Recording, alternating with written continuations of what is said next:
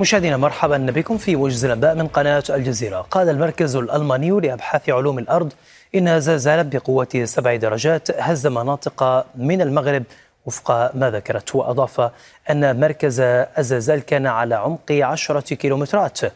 من جهته قال المعهد الوطني للجيوفيزياء في المغرب إن مركز الزلزال يقع في إقليم الحوز جنوب غرب مراكش.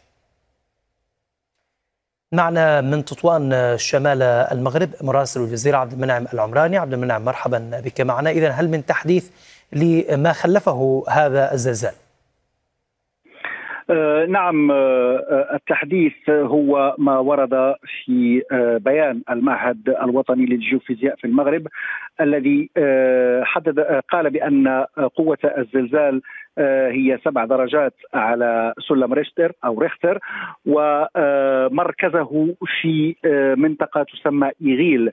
بإقليم الحوز جنوب غرب مدينة مراكش التي تبعد بحوالي 330 كيلومترا جنوب العاصمة المغربية الرباط الهزة الأرضية. حدد قوتها من جهة أخرى المركز الأمريكي لرصد الزلازل في بداية الأمر. قال بأن قوتها 6.8 طبعا المعهد الوطني للزلازل في المغرب قال بأن قوتها هي الآن سبعة.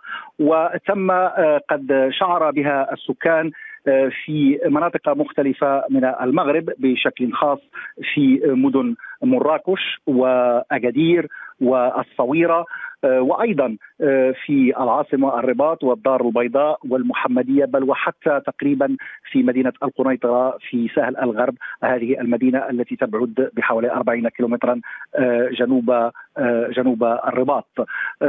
طبعا هذا لحد الآن ليست هناك أي معلومات تتحدث عن خسائر بشرية. لكن هناك أخبار مؤكدة عن حصول بعض التشققات وانهيار بعض المباني خاصة في مدينة مراكش في المدينة العتيقة في المدينة القديمة لمراكش. وأيضا في بعض البلدات والقرى حيث تسبب الزلزال في حدوث تشققات في بعض المنازل خاصة تلك المنازل كما قلت الموجودة في في الأجزاء القديمة من هذه المد المدينة من المدن المغربية التي تحدثت عنها. بطبيعة الحال الزلزال هو زلزال أرضي أي أن مركزه في الأرض وحدد بعمق حوالي 10 كيلومترات في جوف في جوف الأرض في تلك المنطقة منطقة إيغيل. وهناك أيضا وقع هو في الساعة الحادية عشرة وأحد عشر دقيقة ليلا بتوقيت المغرب الذي يزيد ساعة عن التوقيت العالمي الموحد.